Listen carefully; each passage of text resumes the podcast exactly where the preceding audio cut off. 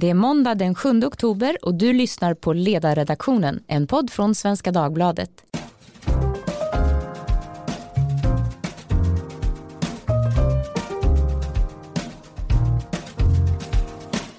Jag heter Maria Ludvigsson och idag ska vi tala om bilbränder, om våldet som ökar och om en opinionsundersökning som visar att väljare inte tror att politiken kommer att kunna mota och motverka brottsvågen. I natt brändes 19 bilar i Märsta och en explosion utlöstes vid en frisersalong.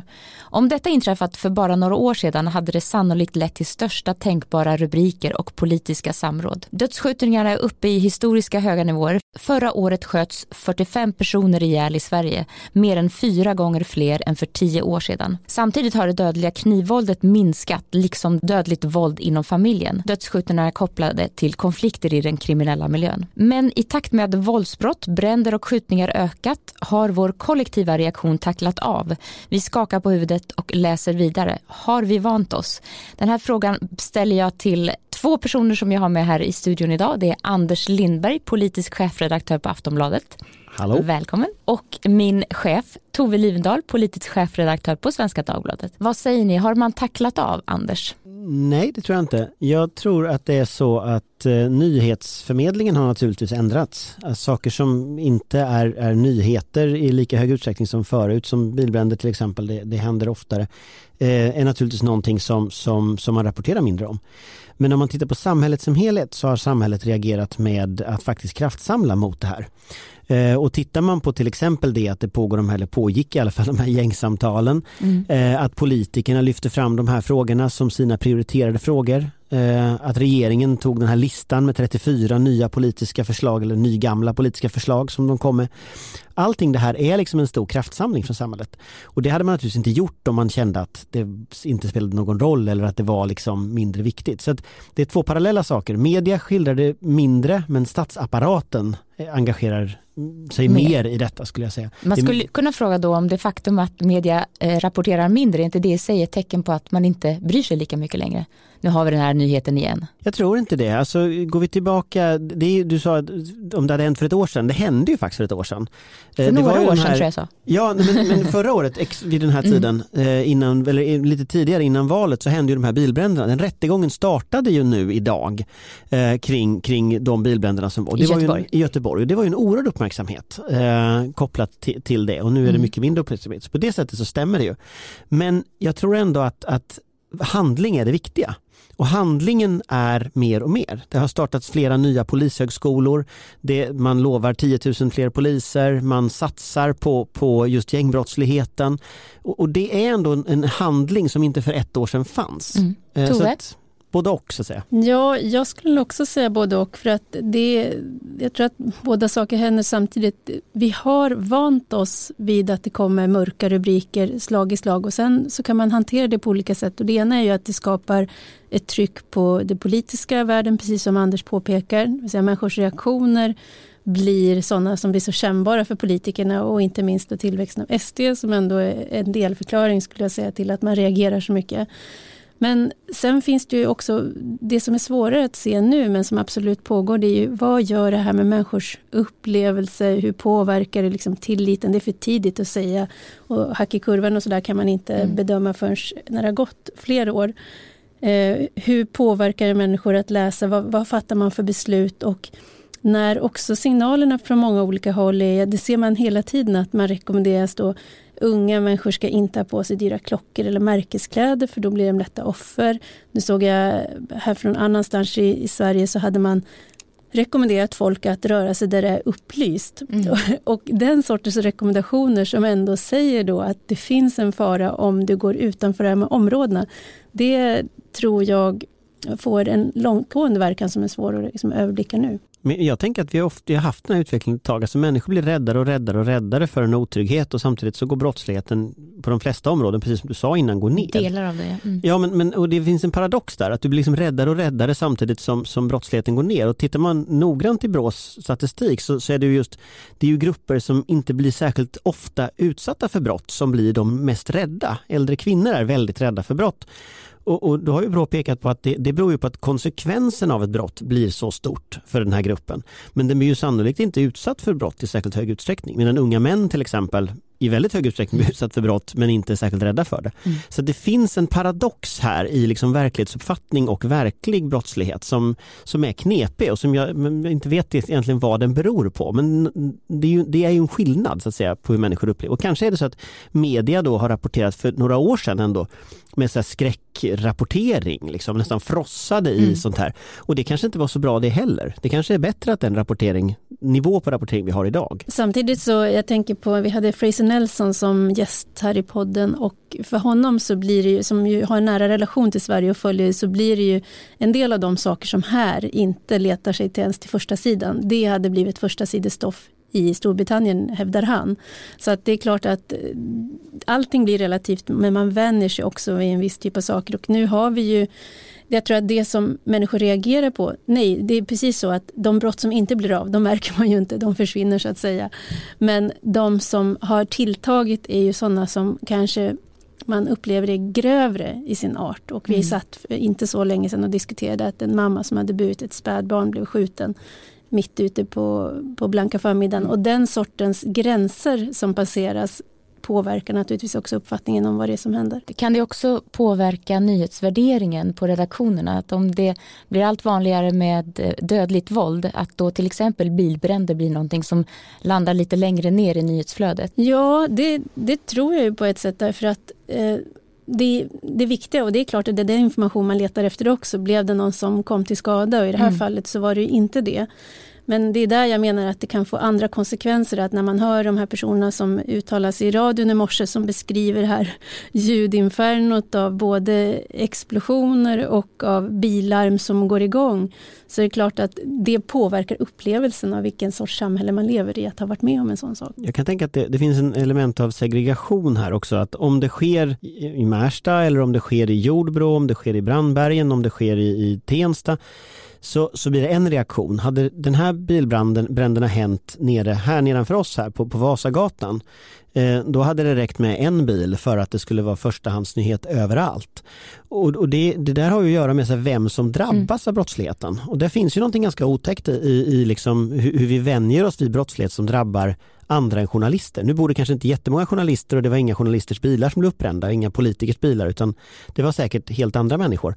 Och det där tror jag man ska vara lite försiktig med. Alltså hur, hur vi på något sätt delar upp Sverige i två världar, en som skildras och liksom en som inte skildras. Kan det vara så att det finns en, en tendens att man rapporterar just om de områdena just utifrån brottsstatistiken. Man ser hur många brott som begås och då tänker man, aha det där det finns så många brottslingar. Men man missar att berätta om alla de brottsoffer som finns där som också bor i de här sammanhangen. Ja, det tror jag. Och sen, jag, jag håller med Anders om att det finns en en sån här logik som att man, man får förväntningar på olika områden som ju bidrar till att inte kommer uppmärksamhet kring dem. Ja men det är de här områdena och, mm. och också det, men det är väl det som förändras nu för att gängkriminaliteten det går ju att skjuta ifrån sig eh, på något plan då kanske man tänker att ja, ja, men det är de här gängen som håller på. Men när det dyker upp civila offer runt omkring de här så blir det plötsligt någonting som även de facto så att säga, påverkar eh, andra människors trygghet. Sen är det klart att bara det faktum att det förekommer mm. är ju ett problem för samhället stort. Men så länge man inte ser det och så länge man inte haft någon direktkontakt av det så kanske det är lättare att hålla ifrån sig. Det här är ganska obehagligt eh, det som händer. Jag var för, under det senaste året så har det gått på Dramaten en uppsättning som heter Klipphan som är, handlar om eh, ja, gängkriminalitet och uppgörelser mellan olika gäng i orten då som de säger. Och det här är de som har skrivit manus och även de som är skådespelare i uppsättningen har erfarenhet själva av den här miljön. Och det de beskriver är just detta att bry er inte nu när det, där det bara handlar om oss. Är det därför det inte blir rubriker längre? Är det därför polisen inte är här? Är det därför ni inte står på tå? Därför att det är en, en grupp, en, en del av befolkningen som man inte bryr sig så mycket om. Det är bara de där som bor där ute. Och det, jag, det, jag tycker det är en rättfärdig fråga. Men det är ju ett bekymmer som man, inte minst som journalist, ställs inför ofta hur ska man skildra någonting och om man tar då den här orten Rosengård som jag själv har varit och skrivit om så är det ju en dubbelhet att å ena sidan så tycker folk men sluta skriv ner oss därför mm. att vi får aldrig en chans att resa oss om vi bara blir problemtyngt och det, man bara kopplar ihop oss, man ser aldrig framstegen. Medan det vore samtidigt då att svika dem om man inte beskrev hur det var därför att mm. då skulle man då så att säga lämna dem åt sitt öde och säga att ja, men det här är måttstocken som gäller där. Det vet man ju hur det är i Rosengård eller något annat motsvarande område. Så att det, det här finns en, eh, en, en, en svårighet att ja, i och med att du beskriver hur det är så riskerar du att stigmatisera men om du inte skriver som det är så kommer du fortsätta vara elände. Skriver man som det är då Anders? Jag, jag tror ju att man skriver som man uppfattar att det är och sen är det klart att de som bor där uppfattar något annat. Men samtidigt, jag blir, får ibland känslan av att det är inte okomplicerat när man kopplar ihop de olika delarna av Sverige. Om man tar Stefan Löfvens uttalande till exempel om att det faktiskt är, är eh, efterfrågan på narkotika i rika kommuner som driver gängkriminaliteten. Därför att det är klart att efterfrågan påverkar om de här gänguppgörelserna, om, om eh, det handlar ju om marknaderna för kokain, marknaderna för marijuana och så vidare som eh, cannabis och, och, vapen och sånt som är kopplat till droghandeln. När du kopplar ihop det blir det jättekontroversiellt därför att då känner sig de i Danderyd utpekade eh, som problemet, vilket de delvis är eftersom det är de som ofta står för efterfrågan. Så vi, vi, vill inte göra den kopplingen och då blir det kopplingen som blir det kontroversiella. Det blir det vi rapporterar kring, inte att bilar brinner eller att människor skjuts. Eh, och, och, det är lite samma sak tror jag, vi kommer att hamna i en situation tror jag nu när de här gängen blir mer rörliga. Vi har redan sett idag att, att, mm, att säga, de här rånvågorna som har varit i Järvafältet till exempel, de fortsätter till Äppelviken, de kommer att fortsätta till Bromma också. Och, och det är klart att, att då kommer det här mycket, mycket närmare medelklassen och det är bara en tidsfråga. Eh, och det, ofta handlar det om att det här är ungdomar som växer upp dessutom så att om de nu är i sitt närområde när de är unga Eh, så kommer de att ha större räckvidd. Och det, det här har poliser beskrivit som jag har pratat om att, att eh, poliser beskriver just den här liksom utvecklingen som vi nu ser att vi står precis på gränsen till att den här typen av gängmiljö normaliseras i mycket större delar av Stockholm än där den har funnits. Rent därför att den drivs fram av konflikten kring de här marknaderna. Mm. Och, och, de uttryckte ungefär som att, att förr så räckte det med en kniv, att man märkte någon med en kniv. Nu måste man i princip skjuta den för att nå samma respekt i de här nätverken. Och det är klart att den här, det här kommer att komma hem till medelklassen, vare sig medelklassen vill eller inte. Och jag undrar om inte det vi börjar se nu rånvågorna blir som den första delen av det där då. Vad säger du om det Tove? Vi var ju några av dem då som rapporterade om reaktionen på eh, Stefan Löfvens uttalande att det drivs ifrån Danderyd. Jag tror i och för sig inte att det är det kontroversiella att man kopplar ihop sådär för som sagt civiloffer de kan dyka upp oavsett vad de liksom har för hemort utan i det här fallet så kändes det som att hans analys haltade eh, att det var en mer en vilja att göra verkligheten in i en analys som skulle passa syften snarare än att liksom komma med en väldigt skarp iakttagelse om eh, samhället. Så jag tror att den där, just den där uttalandet det kan man nog vrida och vända lite grann på. Det, det var, kom nyligen en undersökning gjord av DN och Ipsos, det var då en webbaserad opinionsundersökning om förtroendet för partiernas förmåga att komma åt den här brottsligheten. Det ska sägas att undersökningen då rörde våldsbrott och dödligt våld medan vår podd idag då handlar om bilbränderna i Märsta. Men den är intressant eftersom den visar att förtroendet för politiken är låg i de här frågorna. Undersökningen visar att sex av tio väljare inte tror att politikerna klarar av att göra det som krävs för att stävja våldsbrottsligheten.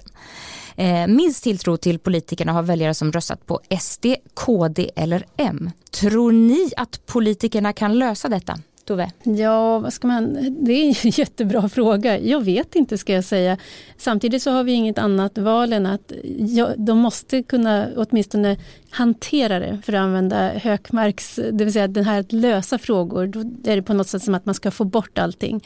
Det tror jag inte att någon skulle kunna, det tror jag inte ens att liksom högre makter skulle kunna klara av. Utan frågan är hur man hanterar situationen, bättre eller sämre. Och vilken typ av liksom, kombination av repressiva jämte förebyggande åtgärder som man balanserar. Och de, de är ju akuta av båda slagen. Och det är ju det som är frustrationen som jag tror har gjort bland annat då mm. att SD har vuxit fram så mycket att nu är vi i ett läge när de förebyggande, det är lite sent, man, man kan inte ge upp dem för det, för det kommer, växer upp hela tiden nya människor, men, men eh, de repressiva har inte varit på plats och priset för det är väldigt högt. Sen ska man ju säga att en sån där typ av eh, uttryck att de som är då kanske de mest tydliga oppositionspartierna är mest negativa om samhällsutvecklingen. Det skulle ju förändras i samma stund som vi fick en ny regering. Ja, det ligger det finns en bias till det. Ja. Anders, vad är din reaktion på detta? Nej, men jag tänker att det har lite med, med eh, på något sätt förtroendet för politiken som helhet att göra. Att, att man, man litar inte på att politiker kan lösa saker Nej. längre. Eh, och eh, det, det, där går igenom alla områden. Att liksom, man, man, litar inte på att politiker fixar arbetslösheten, vilket de inte heller gör. Eh, man litar inte på att politiker liksom löser problem man upplever i sjukvården. Man har valfrihetssystem som att man väljer bort snarare än att man protesterar och sådär. Eh, och jag tror att det där, det där är väldigt skadligt för ett samhälle. Samtidigt så, du ställde frågan förut om, om vi tror att det går. Ja, det är klart det går. Eh, det är en fråga om att kraftsamla. Eh, och då, och då, är det en fråga om, jag menar staten är starkare än de här gängen, det är ingen tvekan. Och det är klart att staten kan göra något om man vill. Men då bygger det på dels att man satsar på polisiära åtgärder. Eh, vi pratar om 10 000 fler poliser, det är nya polishögskolor, det är en lång rad lagar som har förändrats. Det är en del av det. Men sen tror jag att eh, det finns något sjukt i den svenska debatten när det är Rikspolisstyrelsen som påpekar behovet av förebyggande. Och då är det klart att, att, att, det borde politikerna göra men de har gått bort sig så fullständigt till att bara kräva repressiva åtgärder. Och då handlar det om att liksom, ja, du får ha lika många nya socialsekreterare kan man säga som, som poliser som kan omhänderta barn som är i riskzonen.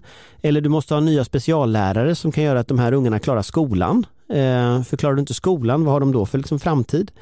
Och, och, Den där typen av helhet bygger på kraftsamling. Och jag har ju, tillhör ju de som tror att man ska kraftsamla över blockgränsen. Mm. Nu blev det inte så. Men men jag tror fortfarande det är liksom en lösning. Så det är klart att det går om man, om, man, om man vill och har den politiska viljan. Sen verkar inte politikerna ha det. De verkar vilja ta politiska poänger istället och det är lite trist. Eh, men nog skulle det gå om man, om man bestämde sig. Skulle det gå Tove? Ja, fast eh, staten ska vara större än de kriminella gänget men då får jag väl drämma till med den här gamla klassiska att samhället är större än staten. Det vill säga att politiken, är, vi är ju ett läge där och målet för min del är ju inte heller att politiken ska fixa det här utan att det är, det är en samhällelig fråga och det vi ser nu är ju många initiativ som i min värld det är synd att de behövs men det är ändå inte en förlust att de sker. Det kan vara allt ifrån att man vandrar tillsammans på natten, att civilsamhället mobiliserar eh, och sen säger det någonting att man tycker att det behövs, att en, en eh, tjej som har varit ute på krogen i centrala Uppsala inte känner att hon kan gå hem själv utan då måste hon ta kontakt av det här nya nätverket som har bildats och blivit enormt starkt. Men det, det är så att säga, staten ska göra sitt men vi har också fått en tror jag, påminnelse om att staten kan inte fixa allt utan samhället är liksom så starkt som vi själva väljer att göra det och även om det är vissa saker som bara ankommer på våldsmonopolet så finns det i de förebyggande delarna väldigt mycket andra aktörer som kan göra saker. Tove, i din text igår nämner du en rapport från Brå om en förödande tystnadskultur i våra myndigheter. Berätta om din text. Ja, det, det, var lite fundersamt för att i veckan så kom ju då Brå med en rapport som handlar om tystnadskultur och det handlar om på många olika plan och hur det påverkar i alla delar av samhället och då så sa justitie Morgan Johansson att han inte kände till det som fördes fram, nämligen att det kan till och med förekomma att myndighetspersoner såsom poliser och andra som ju finns i det offentliga för att stötta eh, avråder från att man ska polisanmäla, avråder från att gå vidare och göra rättssak. Och eh, den här rapporten beskriver väldigt ingående vad det är att, att människor svarar på incitament. Och är det så att rättsväsendet och rättsstaten inte är tillräckligt stark och tydlig då uppstår en massa andra saker. Och till exempel då den här tystnadskulturen som man pratar om som då leder till att eh, folk pratar ganska mycket i förhör och sen gör de inte det när de kommer till rättssalen. Och där finns det ju inget, det finns, det finns, det finns hypoteser man kan ställa fram och en av de sakerna handlar ju då om att kanske hot mot vittnen mm. som vi vet att det finns liksom ja, ibland behöver inte det vara explicita hot för människor svarar även på tysta hot. Det kan räcka med ögonkast eller kroppsspråk eller bara markeringar för att få människor att känna att det blir för mycket kostnad, det blir för hög kostnad om jag säger som det är och därför så avstår jag. Så att det finns enorma konsekvenser av den här tystnadskulturen som behöver diskuteras. Jag hoppas att eh, när Morgan Johansson säger då att han inte känner till det här, att han, att han gör det för att han känner att det går inte för mig som ansvarig minister att säga det. Jag hoppas verkligen att han ljuger och att han mm. känner till hur det är. Därför att här finns ju också varje dag myndighetspersoner som brottas med etiska dilemman, moraliska dilemman mellan att ge de rekommendationer som man ska enligt mm. regelboken, uppgiften och regleringsbrevet. Å andra sidan en realitet där man kanske känner att ja, jag kan förvisso driva någon att anmäla men sen kan inte vi hjälpa till att skydda den personen om det behövs utan den personen blir lite utlämnad åt sitt död. Du har ju skrivit om just detta tidigare, ditt fall i Uppsala. Ja precis, den här familjen som lämnar Uppsala på grund av att man inte har kunnat ja, reda upp situationen. Det är en 13-åring som blir förföljd av andra ungdomar. Och där finns ju också ett mått av tystnadskultur och det finns en undfallenhet och med, tror jag, verkligen bara barnets bästa, kortsiktigt bästa för ögonen. Att försöka få situationen att och, eh, gå över. Och ja. det säger ju också den här eh, rapporten att för, för den, den, som är ett brottsoffer så är ju inte eh, Alltså, vi kan ju känna att det är viktigt att vi upprätthåller rättsstaten och vi måste liksom alla anmäla allting och det ska gå rätt till och sådär. Det är aldrig första prio för brottsoffret utan Nej. det är bara att få våldet att upphöra.